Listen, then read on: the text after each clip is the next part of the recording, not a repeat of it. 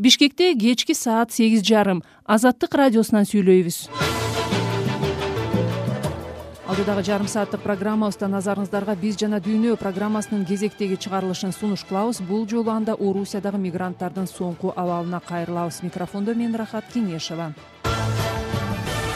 бүгүн күнгө жума жыйырма тогузунчу сентябрь. Алгач сөз токтосун шамбетовдо соңку жаңылыктар топтому рахмат саламатсыздарбы. Маданият маалымат спорт жана жаштар саясаты министрлиги жалпыга маалымдоо каражаттары жөнүндөгү мыйзам долбоору үчүн жарандардын сунуш пикирлерин кабыл алууда. Бул тууралуу министрликтин маалыматтык саясат башкармалыгынын баш кадиси зарина калмуратова жыйырма тогузунчу сентябрда азаттыкка билдирди. Анын айтымында мыйзам долбоору боюнча сунуш пикирлер он биринчи октябрга чейин кабыл алынат. Он алтынчы октябрда мыйзам долбоорун даярдоо үчүн түзүлгөн жумушчу топ келип түшкөн сунуштарды карап чыгат. Президенттик администрация былтыр ноябрда жалпыга маалымдоо каражаттары жөнүндө жаңы мыйзам долбоорун коомдук талкууга чыгарган. Өлкөдө медиа уюмдар журналисттер бир катар юристтер дагы долбоорго байланыштуу кабатырлануусун билдирип чыккан. Адилет укуктук клиникасы мыйзам долбооруна көз карандысыз экспертиза жасап анда адамдын өз оюн эркин билдирүү укугунун кепилдиктери четке каккан олуттуу тобокелдиктер бар деген бүтүм чыгарган. Президент садыр жапаров документти иштеп чыгуу үчүн былтыр декабрда жумушчу топ түзүп президенттик администрациясынын укуктук жактан камсыз кылуу башкармалыгынын башчысы мурат укушев топтун жетекчиси болгон. Бирок президенттик аппараттын юридика бөлүмүнүн жумушчу топтогу жарандык коомдун өкүлдөрүнүн берген сунуштарынын акыркы бешинчи вариантка киргизбей калганда алар президент садыр жапаровго ачык кат менен кайрылып мыйзамды мындай абалда кабыл албоого чакырышкан омбудсмен жамиля жаманбаева ош шаарындагы номер бешинчи тергөө абагынын абалын көрүп чыкты. Бул тууралуу мекеменин басма сөз кызматы кабарлады. Акыйкатчы тергөө абагынын эскилиги жетип баардык бөлмөлөрү ным экенине көңүл бурду. Жаманбаева түрмө жетекчилиги менен бул маселени талкуулады. Цитата номер бешинчи тергөө абагы бир миң сегиз жүз токсонунчу жылдары курулуп анда алымбек татканын баласы камчыбек камалып турганы белгилүү. Абактагылардын шарты белгиленген талапка жооп бербейт. Бул адам укугун бузуу болуп саналат. Мындан улам шаардын сыртына жаңы абак курууну эртелетүүнү сунуштайм деди акыйкатчы. Жаңы тергөө абагы салынуучу жерди аныктоо иштери жүрүп жатканы белгилүү болду. Маалыматка ылайык оштогу номер бешинчи тергөө абагы беш жүз кишиге ылайыкташкан. Азыр анда үч жүз алтымыш жети адам кармалып турат. Кыргызстандагы тергөө абактары жана убактылуу кармоочу жайлардын саны жетишсиздигин жана абалы начар экенин укук коргоочулар буга чейин белгилеп келишкен.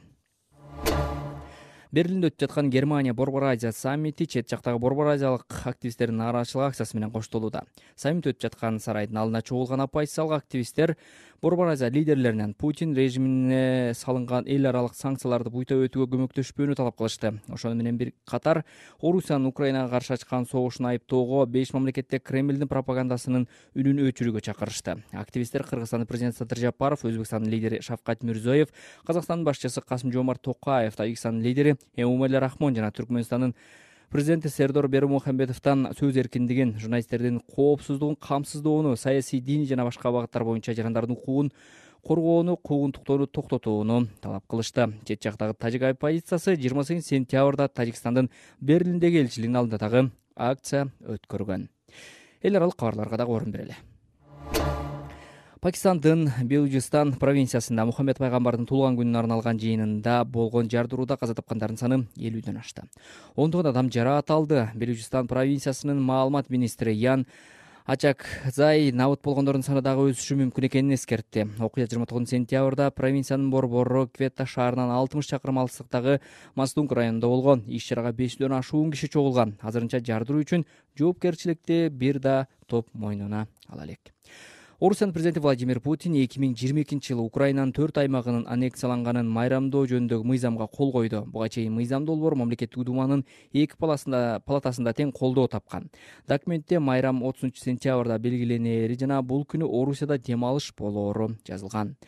Былтыр кремлдин басма сөз кызматы журналисттерге чек арада жайгашкан кайсы аймактар өлкөнүн э, аймагына кошулушун түшүндүрүп бере алышкан эмес азырынча менде ушулар рахмат сизге. Токтосун шамбетовдон соңку жаңылыктар болду.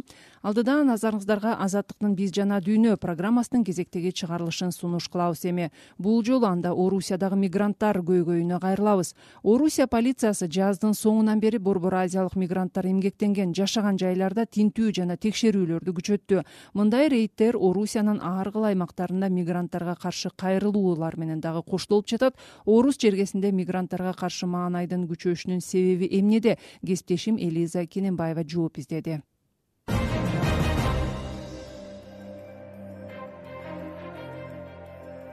Биз менен орусиядан байланышта мигранттардын укуктарын коргогон александр ким жана бир топ жыл орусияда жашап кеткен юрист учурда акшда турган мирбек токтошов саламатсыздарбы? Адегенде орусиядагы тинтүүлөр текшерүүлөр жана мигранттарга каршы кайрылуулар тууралуу сюжетти көрүп алалы базарлар мечиттер такси токтоочу жайлар курулуш объектилери. Орусиянын полициясы жаздын соңу жайдын башынан бери негизинен мигранттар эмгектенген жайларда тинтүү жана текшерүүлөрүн күчөттү.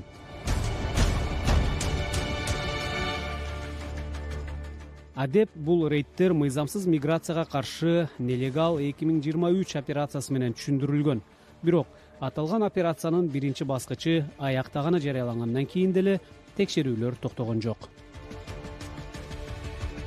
Күбөлөрдүн айтымында азыркы рейдтерде өзгөчө жаранды калгандарды аныктап аларды аскердик комиссариатка жөнөтүүгө көңүл бурулуп жатат. Айрым учурда мигранттар жума намаздан кийин мечиттин кире беришинде кармалып жатканы кабарланууда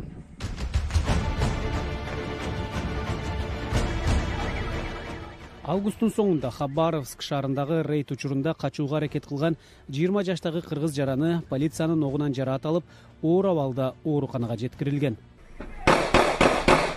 бул рейдтер орусиянын ар кыл аймактарында мигранттарга каршы чакырыктар менен да коштолуп жатат. Уважаемый владимир владимирович мы жители города маселен москва облусунун котельники шаарындагы мигранттарга каршы майдын соңундагы текшерүүлөргө жергиликтүү тургундардын бир эмес бир нече жолку кайрылуулары түрткү болду.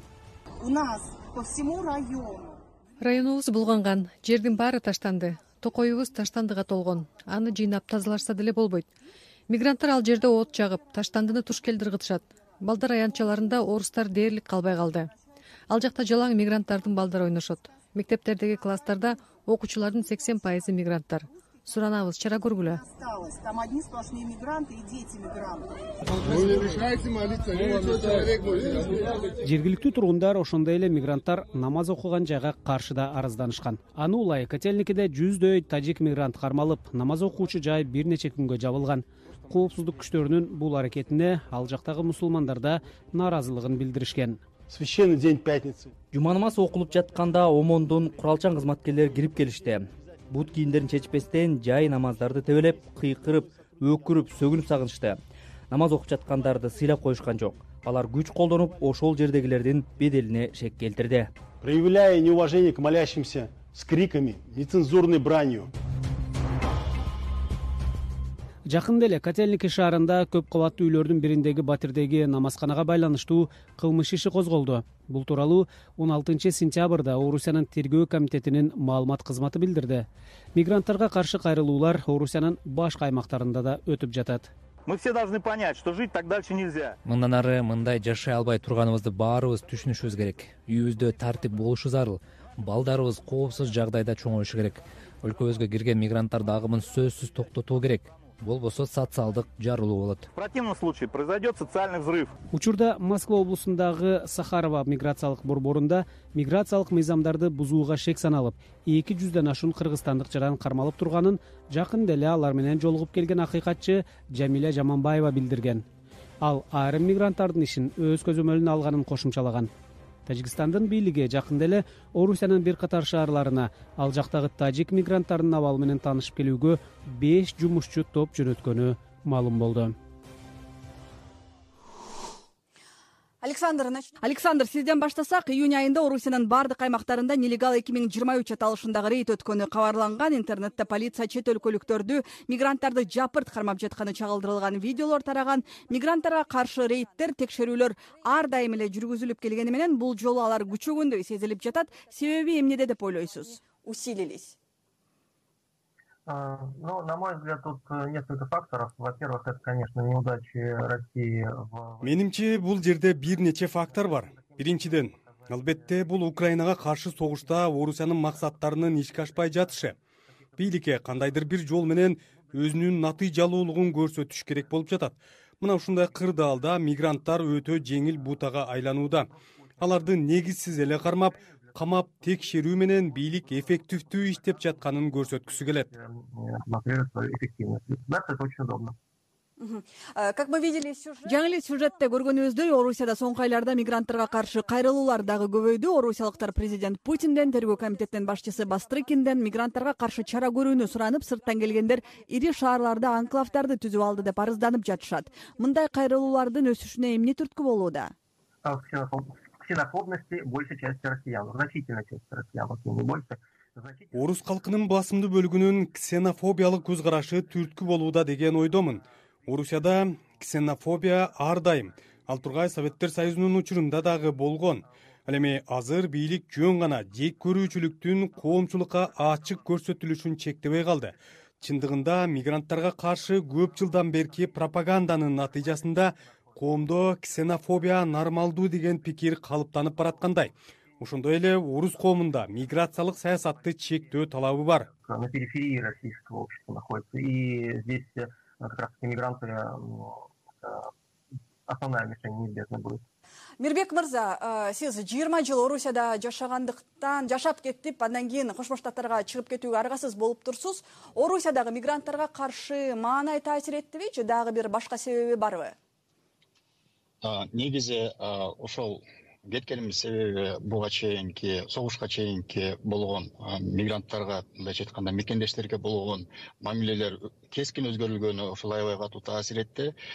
Биздин мурунку абалга караганда согушка чейинки абалга караганда мурун биздин мекендештерге бир кыйла жеңил мамиле болгон болчу. Бирок согуш башталаардын алдын ноябрь эки миң жыйырма биринчи жылдан баштап мигрант жөнөкөй биздин мекендеш мигранттардын арасынан мындай негативный образды калкалай баштагандыктан ошол ошол сезимди көрүп туруп андан кийин дагы бир эки үч факты мындай терс көрүнүштөрдүн негизинде анан чыгып кетүүгө дуушар болдум.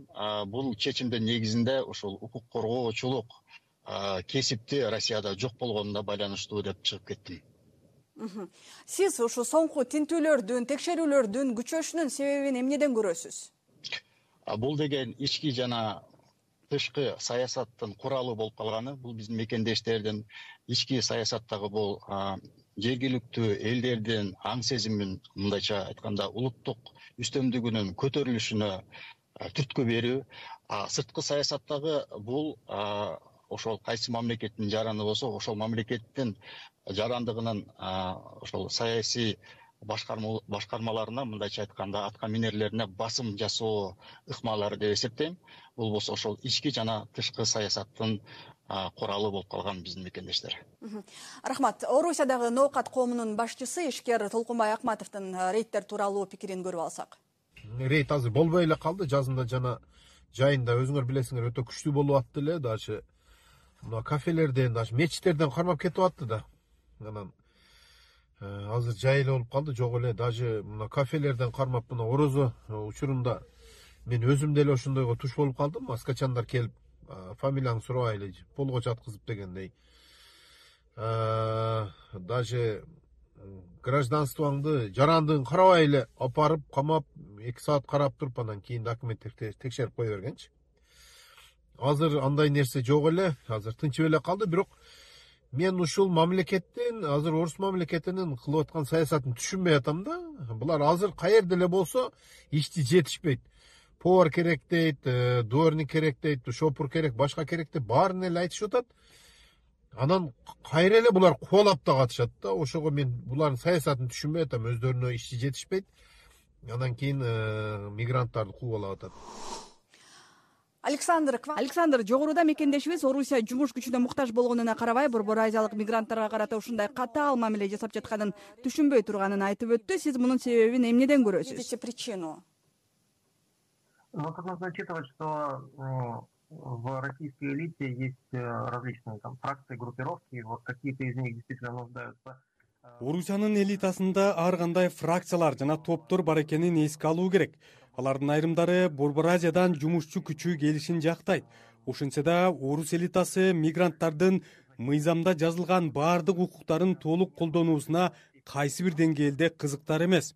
Экинчиден мен буга чейин айтып кеткендей орусияда ксенофобиялык улутчул маанай күч жана орус коомунда мигранттарды чектөө талабы бар мындан улам бийлик улутчул көз караштагы катмардын жетегинде бараткандай. Соответственно государство государство просто идет на поводу в этой ситуации у ксенофобно настроенной части граждан россии мирбек мырза сиз ошо орусия мигранттардын жумушчу күчүнө муктаж болуп жатса дагы алардын санын чектөөнү аларга каршы чара көрүү тууралуу кайрылуулардын көбөйгөнүнө эмне түрткү болууда деп ойлойсуз? Бул тышкы саясий басымдын уландысы деп эсептейм. Ошол эле маалда бизге жумушчу жетишпейт. Бирок силер деген тышкы саясатта мисалы үчүн согушту бизди жактасаңыздар сиздин бизге ошол эле маалда эмгек э, мигранттары керек. Эгерде силер бизди колдосоңор биз силерди колдойбуз. Силердин жарандарыңарга жакшынакай условиялар түзүп беребиз деген мындай альтернативный орустарда айтчу эле пряник менен кнутту көргөзгөндөрү да. Ошонун ошонун уландысы деп эсептейм. Александр айрым эксперттердин пикиринде мигранттарга каршы өнөктүк орусияда ички душманды издөө сыяктуу баарын бириктирген бир курал катары колдонулушу ыктымал. Сиз бул ойго канчалык кошуласыз? Скорее да потому что в последнее время я вообще отмечаю то что в россии ооба анткени орусияда акыркы учурда нацисттик топтордун консолидациясы болуп жаткандай сезилет. Алар ачык чыга баштады. Андан тышкары жогорку деңгээлдеги атка минерлер орус элитасынын өкүлдөрү маселен президенттин алдындагы адам укуктары боюнча кеңештин мүчөсү кабанов сыяктуулар улутчул экенин жашырбай өз ойлорун ачык жарыялап жатат жана бул эч кимдин кылын кыйшайткан жок. Нацистских убеждениях это никого абсолютно не возмущает орусияда борбор азиялык мигранттарга көзөмөлдү күчөтүүнү мыйзамдарды катаалдатууну көздөгөн демилгелер бийликтин бийик сересинде дагы көтөрүлүп жатат тактап айтсак мамдуманын депутаттарынан айрым эксперттерге чейин ал тургай президент владимир путин дагы жакында эле бул темага токтолду. Москванын мигранттарга каршы риторикасынын чоо жайы тууралуу сюжетти көрүп алалы. Статистика показывает что из вновь получивших гражданство статистика көрсөткөндөй жакында орусиянын жарандыгын алган аскер курагындагы жигиттер атайын аскердик операцияны коюп армияга кызмат өтөгөнү он эсе аз барышат экен. Эмнеге? Алар эмне паспорт алып жатканда берген антынын сөздөрүн унутуп калышабы? Же орусча түшүнбөгөндүктөн анттын сөздөрүн деле түшүнгөн эмеспи? При получении паспорта. Или не понимали их вообще как не понимают русский язык?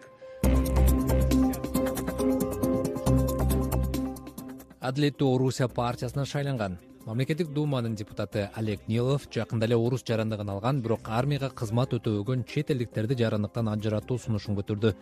Ал ошондой эле эмгек мигранттарын тескөө керек экенин кошумчалады.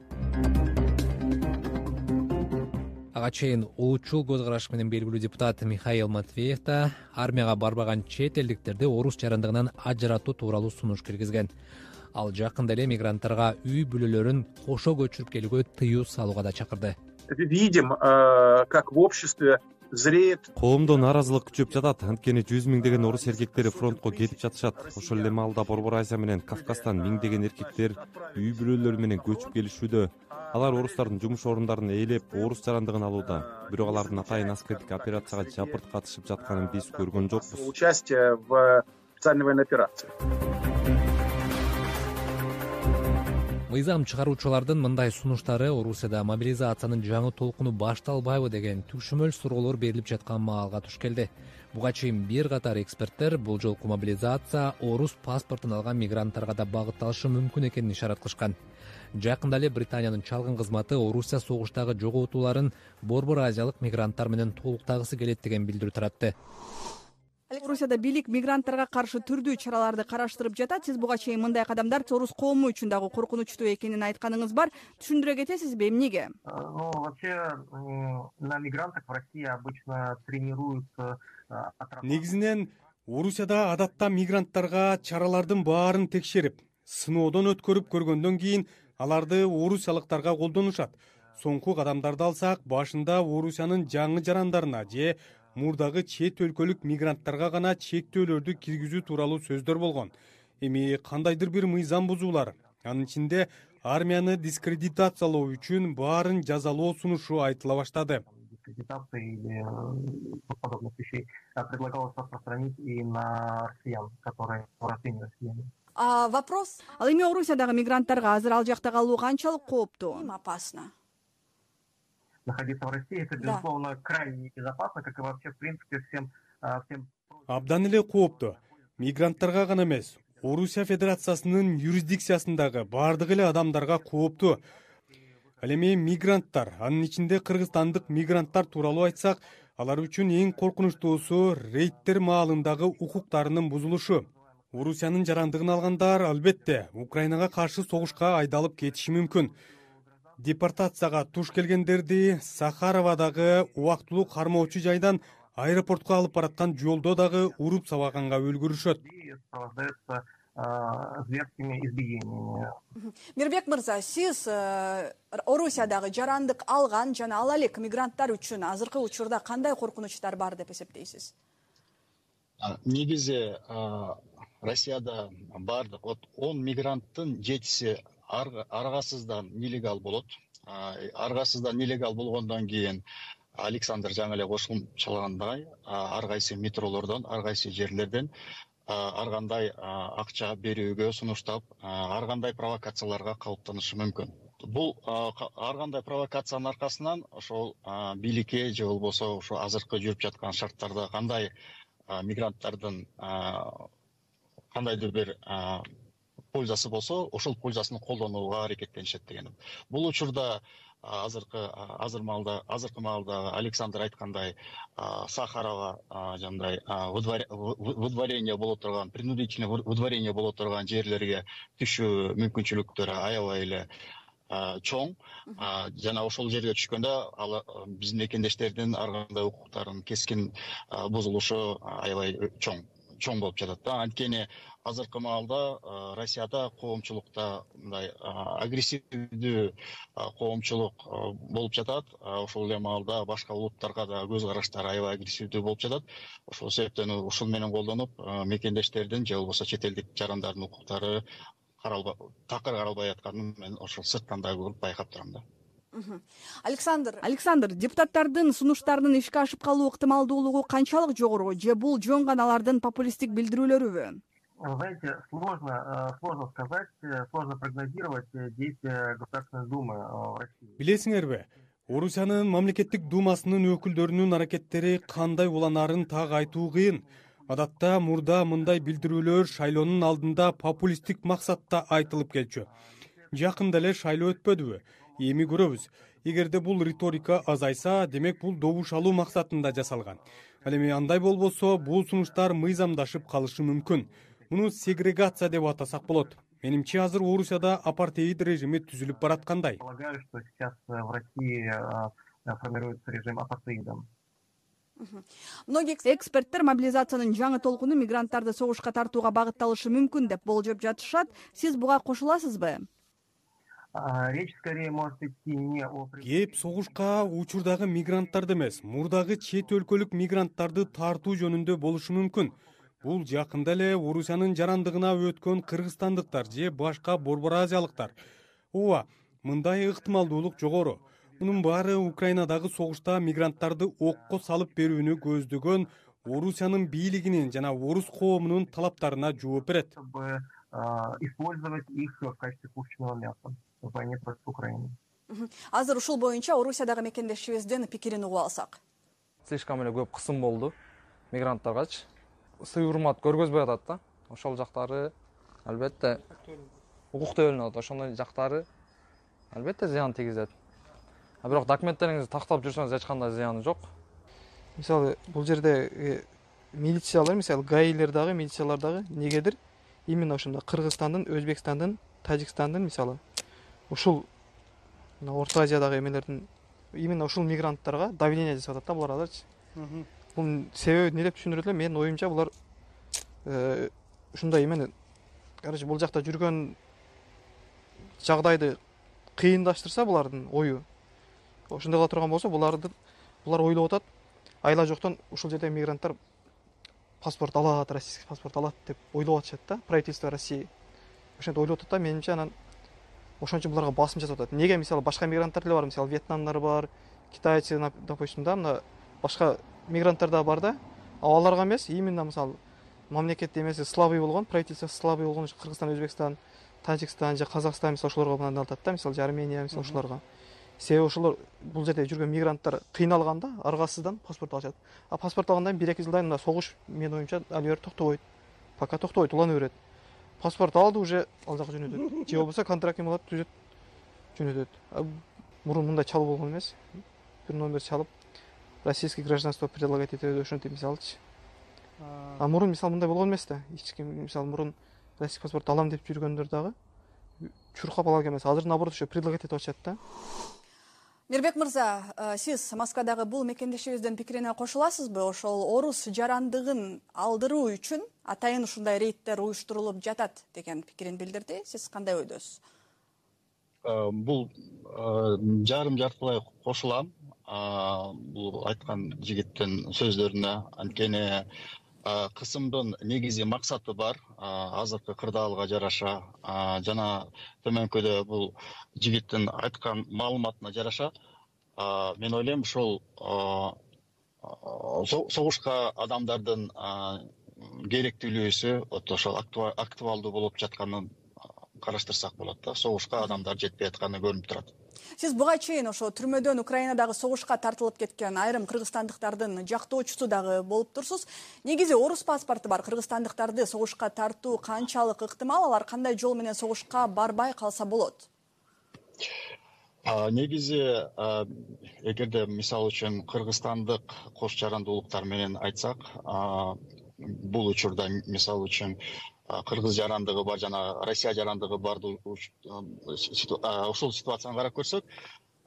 Россия үчүн эгерде кош жарандуулук болсо россиянын укук коргоо укук колдонуу органдары үчүн ал жаран россиянын гана жарандыгы болуп эсептелет. Башка жарандыгы болсо дагы ал жарандыктарды эске алышпайт. Эң негизги биринчи критерий алар өзүлөрүнө ошол жаранды өзүнүн россиянын жараны катары көрүшөт.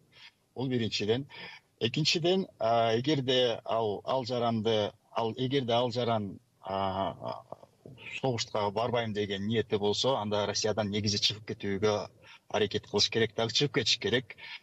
Кайсыл жака чыгып кетиш керек?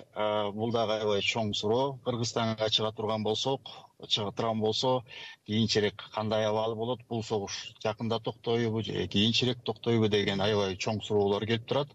Кийинчерээк дагы кыргызстандын атка минерлери бул согушту колдойбу же колдобойбу деген дагы суроолор турат. Ошол себептен кийинки прогноздорду да айтыш да кыйын. Ошол себептен бирок азыркы маалда эгерде согуштан баш тартам десе россиядан чыгып кетүүгө аябай эле керектүү ыкма деп эсептейм. Александр александр согушка барбоо болжолдуу мобилизацияга кабылбоонун кандай жолдорун сунуштайсыз? Орусиянын жарандыгын алган жана ала элек мигранттарга значит что касается тех у кого российского гражданства нет оптимальный вариант орусиянын жарандыгы жоктор өлкөдөн чыгып кетип согуш бүткүчө эмес режим алмашмайынча. Орусиянын башында демократиялык бийлик келмейинче кайра кайтпаш керек.